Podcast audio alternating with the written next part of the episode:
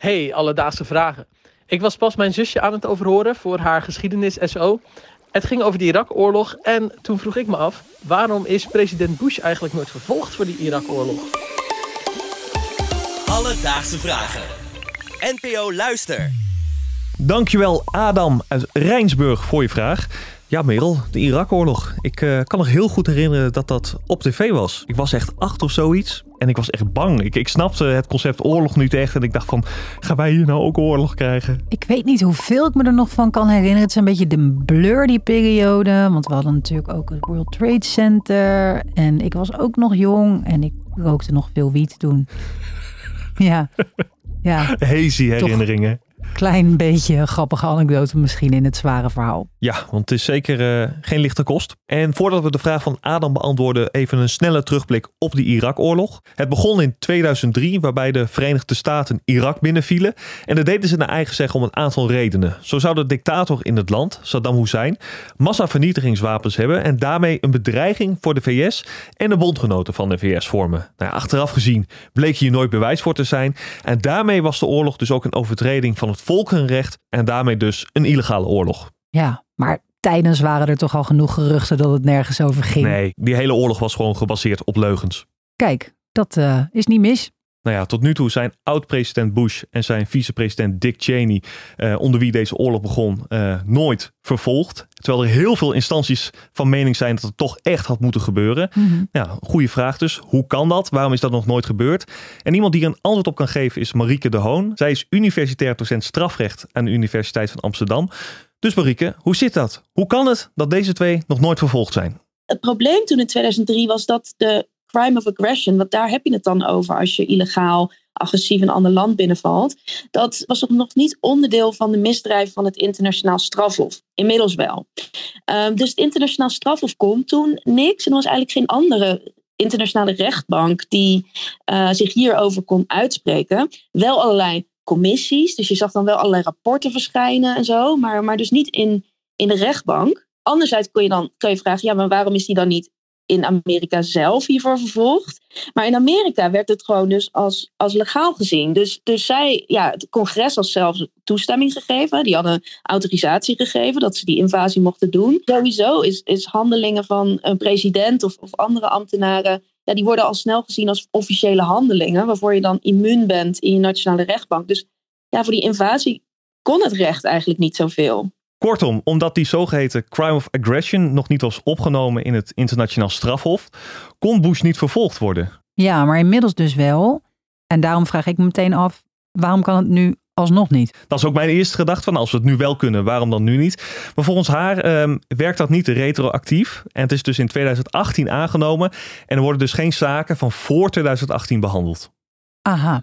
En wat ook heel belangrijk om te vermelden is, en wat ik gewoon echt bizar vind, maar Amerika is vrijwillig geen lid van dat internationaal strafhof. Waardoor ik meteen denk, hoezo kan je kiezen of je lid van iets bent als het een internationaal strafhof is? Echt Merel, het is zo'n bureaucratische geopolitieke romslomp. Want je kan een land wel doorsturen naar het strafhof, maar dat gaat via de VN en de Veiligheidsraad. Nou ja, misschien weet je het wel, maar landen in de Veiligheidsraad hebben een veto. Amerika zit daarin.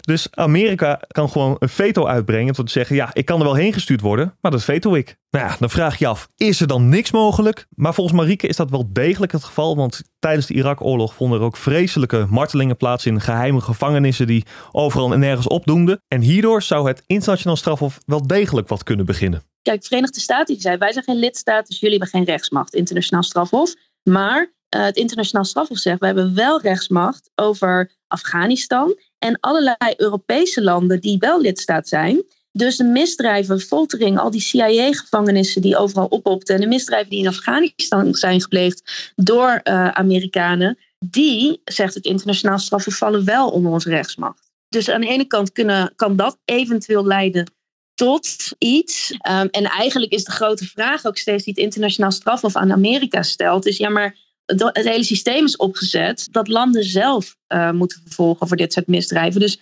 waarom hebben jullie zelf niet uh, echt goed onderzoek naar gedaan en, en de schuldigen hiervoor ter verantwoording geroepen? En dat is heel beperkt geweest. En wat we hier dus weer horen, het is blijkbaar ook van ontzettend groot belang dat dat vanuit Amerika zelf komt. Dat ze zelf echt kritisch gaan kijken naar hun handelen. Maar ja, de slager die zijn eigen vlees keurt, daar hebben we dat internationale strafhof toch ook voor. Blijkbaar is er weer van alles mogelijk met, met vieze, vieze regels uh, om de boel te omzeilen. Ik was er bijna een beetje depressief van, Merel. Alledaagse vragen. Dan ga ik nu even een uh, heel mooi bruggetje maken. Want als we het hebben over zwartgalligheid en Amerika, ja, dan kom je in Nederland maar bij één man uit. Maar de Van Rossum. Ja, ik wilde het niet eens voor je invullen. Ik wist het al toen keek. ik belde hem toch eventjes op hoe hij kijkt naar deze kwestie. Is het aannemelijk dat Bush ooit nog ter verantwoording wordt geroepen? In het geval van de Verenigde Staten is het gewoon een, een volkomen zinloos scenario om ze ter verantwoording te roepen. Je kunt ook zeggen, de geschiedenis zal ze tenslotte ter verantwoording roepen. En misschien dat ze over 200 jaar ook een excuses komen aanbieden, maar eerlijk gezegd zie ik dat niet gebeuren.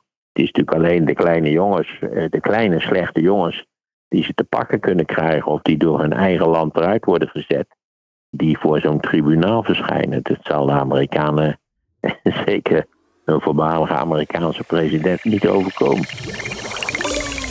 Dus, Adam, de reden waarom Bush nooit vervolgd is voor de Irak-oorlog. Ja, dat zijn eigenlijk een heleboel juridische trucjes. Zo is de VS geen lid van het internationaal strafhof en hoeven ze daarom geen verantwoording af te leggen over de oorlog in Irak. En als zouden ze wel lid zijn, dan konden ze niet vervolgd worden omdat vervolging omtrent oorlogsmisdaden pas sinds 2018 kan en geen zaken daarvoor behandeld. Bovendien kunnen ze ook niet gedwongen worden om naar het internationaal strafhof gestuurd te worden, omdat de VS in de Veiligheidsraad zit. En ja, daar hebben ze een veto, dus dan stemmen ze gewoon lekker nee. Heb jij ook nog een vraag? Stuur ons dan een berichtje op Instagram. Dat is Alledaagse Vragen. Of je kan een mailtje sturen naar alledaagsvragen.bnnvara.nl en dan zoek ik het voor je uit. Alledaagse Vragen. NPO Luister. BNN Vara.